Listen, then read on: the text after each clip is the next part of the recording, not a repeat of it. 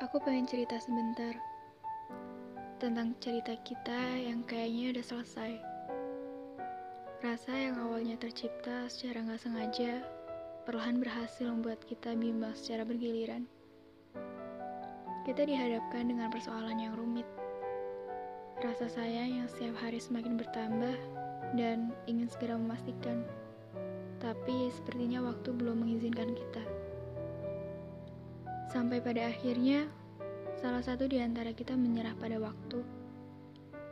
Kata introspeksi yang kamu maksudkan itu seperti apa sih? Aku pengen tahu. Tapi aku juga sadar kalau kamu udah gak bisa jelasin lebih jauh lagi. Kamu pergi ketika rasa ini sedang pada puncaknya. Dan sekarang, aku bener-bener belum mampu buat melupa. Aku tahu hidup memang harus terus berjalan.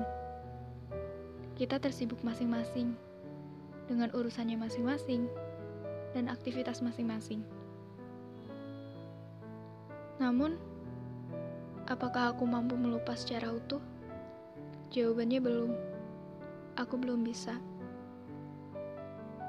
Entah sampai kapan, aku juga nggak tahu. Tapi doaku masih sama.